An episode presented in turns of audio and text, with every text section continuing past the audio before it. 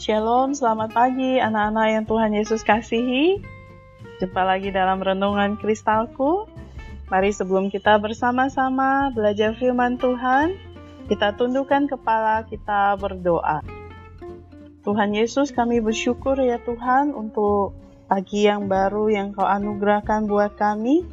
Hari ini kami boleh bangun dengan kekuatan yang baru, yang Tuhan anugerahkan atas tubuh kami. Kami boleh diberikan kekuatan yang baru. Kami bersyukur ya Tuhan. Saat ini kami sudah siap. Kami mau mendengarkan firman-Mu. Tuhan, sertai kami supaya kami dapat mengerti dan melakukan firman-Mu. Demi nama Tuhan Yesus kami sudah berdoa. Amin. Pembacaan firman Tuhan hari ini dari Injil Lukas pasalnya yang ke-17 ayat 11 hingga ayatnya yang ke-19. Dalam perjalanannya ke Yerusalem, Yesus menyusur perbatasan Samaria dan Galilea. Dalam perjalanannya ke Yerusalem, Yesus menyusur perbatasan Samaria dan Galilea. Ketika ia memasuki suatu desa, datanglah sepuluh orang kusta menemui dia. Mereka tinggal berdiri agak jauh dan berteriak, Yesus Guru, kasihanilah kami. Lalu ia memandang mereka dan berkata, Pergilah, perlihatkanlah dirimu kepada imam-imam. Dan sementara mereka di tengah jalan, mereka menjadi tahir. Seorang dari mereka, ketika melihat bahwa ia telah sembuh, kembali sambil memuliakan Allah dengan suara nyaring, lalu tersungkur di depan kaki Yesus dan mengucap syukur kepadanya. Orang itu adalah seorang Samaria. Lalu Yesus berkata, Bukankah kesepuluh orang tadi semuanya telah menjadi tahir? Di manakah yang sembilan orang itu? Tidak adakah di antara mereka yang kembali untuk memuliakan Allah selain daripada orang asing ini? Lalu ia berkata kepada orang itu, "Berdirilah dan pergilah." Imanmu telah menyelamatkan engkau. Anak-anak, dalam pembacaan firman Tuhan hari ini dikatakan ketika Yesus dalam perjalanannya ke Yerusalem, dia sampai ke suatu desa dan bertemu dengan 10 orang yang mengalami sakit kulit yang sangat ditakuti oleh masyarakat pada waktu itu, yaitu sakit kusta. Dua orang ini berdiri jauh dan berteriak, Yesus, Guru, kasihanilah kami. Ketika Yesus melihat mereka, ia berkata, Pergilah, menunjukkan dirimu kepada imam-imam. Kenapa pergi kepada imam? Karena pada waktu mereka pergi kepada imam, imamlah yang akan menyatakan apakah penyakit kustanya sembuh atau belum. Apakah dia dikasih, mereka dikasih izin untuk hidup di antara keluarganya kembali atau harus tetap di luar kota. Nah, dalam perjalanan dikatakan ke sepuluh orang ini sembuh. Satu di antara mereka ketika sadar bahwa dia sembuh, dia memuliakan Allah dengan suara keras dan dia kembali kepada Tuhan Yesus untuk berterima kasih. Dan Yesus bilang sama orang itu, ada sepuluh orang kan tadi Mana yang lain? Hanya satu yang kembali untuk mengucapkan terima kasih. Pergilah, imanmu telah menyembuhkanmu, kata Tuhan Yesus kepada orang Samaria yang sembuh dan kembali berterima kasih itu. Nah, anak-anak, apakah Tuhan tidak akan bosan jika kita berterima kasih kepadanya untuk setiap hal kecil?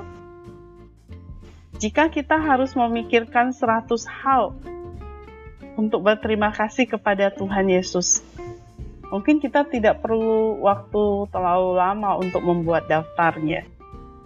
Sebagai permulaan, bisa kita lihat di sekeliling kita. Kita dapat berterima kasih kepada Tuhan untuk hal-hal yang besar yang sangat kita uh, syukuri dan juga untuk hal-hal kecil yang kita terima.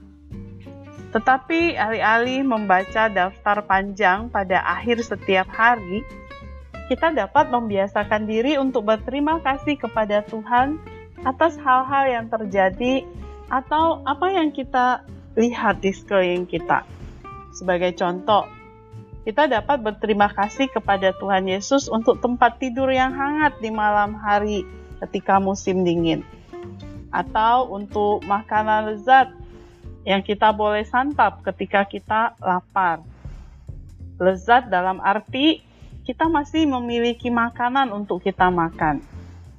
Kita dapat berterima kasih kepadanya atas mata untuk melihat keindahan matahari, kita boleh merasakan uh, angin dan kita bisa melihat orang yang kita kasihi.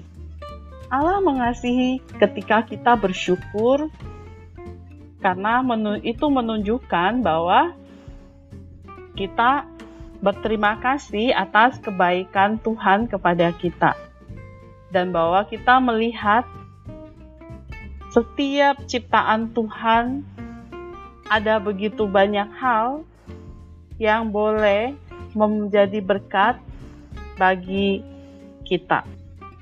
Kiranya Tuhan menolong anak-anak, menolong Bu Evi dan semua Bapak Ibu guru di hari ini untuk boleh memiliki hati yang selalu berterima kasih kepada Tuhan, hati yang penuh dengan ucapan syukur walaupun untuk hal-hal kecil yang Tuhan berikan. Mari kita berdoa. Tuhan Yesus, kami sungguh berterima kasih, bersyukur untuk segala berkat dan anugerah Tuhan di dalam hidup kami. Kami bersyukur kami boleh bangun pagi hari ini, kami boleh melihat dengan mata kami matahari yang indah, daun-daun yang hijau, Telinga kami boleh mendengar suara-suara yang merdu dari sekeliling kami. Kami boleh merasakan hangatnya matahari lewat kulit kami.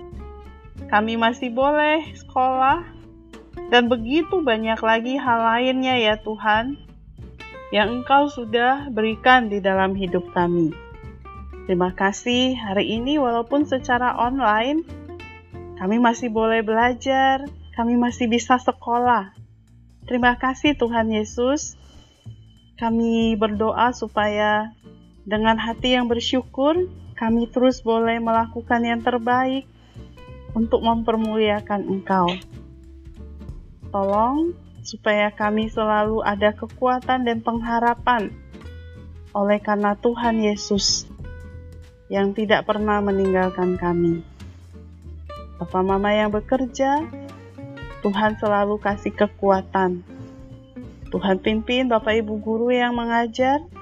Tuhan karuniakan hikmat atas mereka dan kesabaran dalam membina dan mendidik setiap anak-anakmu. Kami serahkan sepanjang hari ini. Demi nama Tuhan Yesus kami sudah berdoa. Amin. Ayat emas kita hari ini dari Efesus pasalnya yang kelima, ayat 19b hingga ayatnya yang ke-20. Bernyanyi dan bersoraklah bagi Tuhan dengan segenap hati. Ucaplah syukur senantiasa atas segala sesuatu dalam nama Tuhan kita, Yesus Kristus, kepada Allah dan Bapa kita. Demikian firman Tuhan. Selamat belajar bersama Yesus. Aku bisa.